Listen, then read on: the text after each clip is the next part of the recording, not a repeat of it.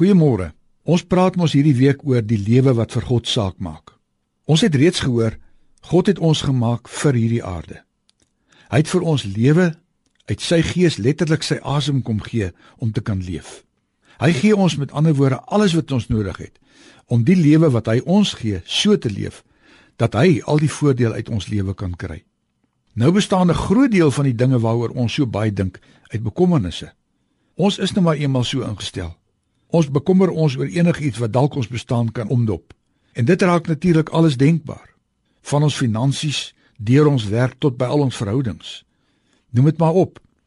Jy sal die beste weet wat vanoggend swaar op jou hart lê.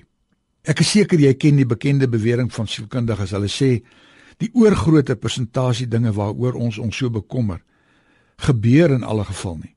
Is dit nie ironies nie? Op 'n keer het Jesus in Matteus 6 vers 25 met mense gepraat oor die ding van bekommernis.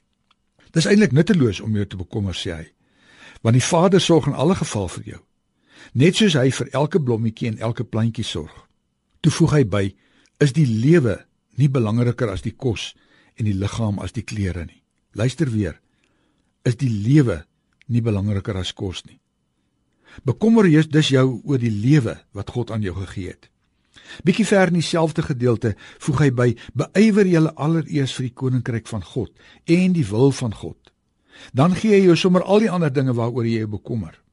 Vir hom is die lewe baie belangrik. Want hy wil hê ons lewe moet oor hom en sy besigheid in hierdie wêreld gaan. Wat dan nou gemaak met die dinge wat jou so bekommer? Jesus se raad is eenvoudig. Maak seker dat dit waaroor jy jou bekommer in God se belang is. Indien dit is, gee dit vir hom. Hy sorg vir die res. Net soos hy vir die blommetjies sorg. En dan gaan lewe jy. Here, ek gee vanoggend al my bekommernisse vir U. Amen.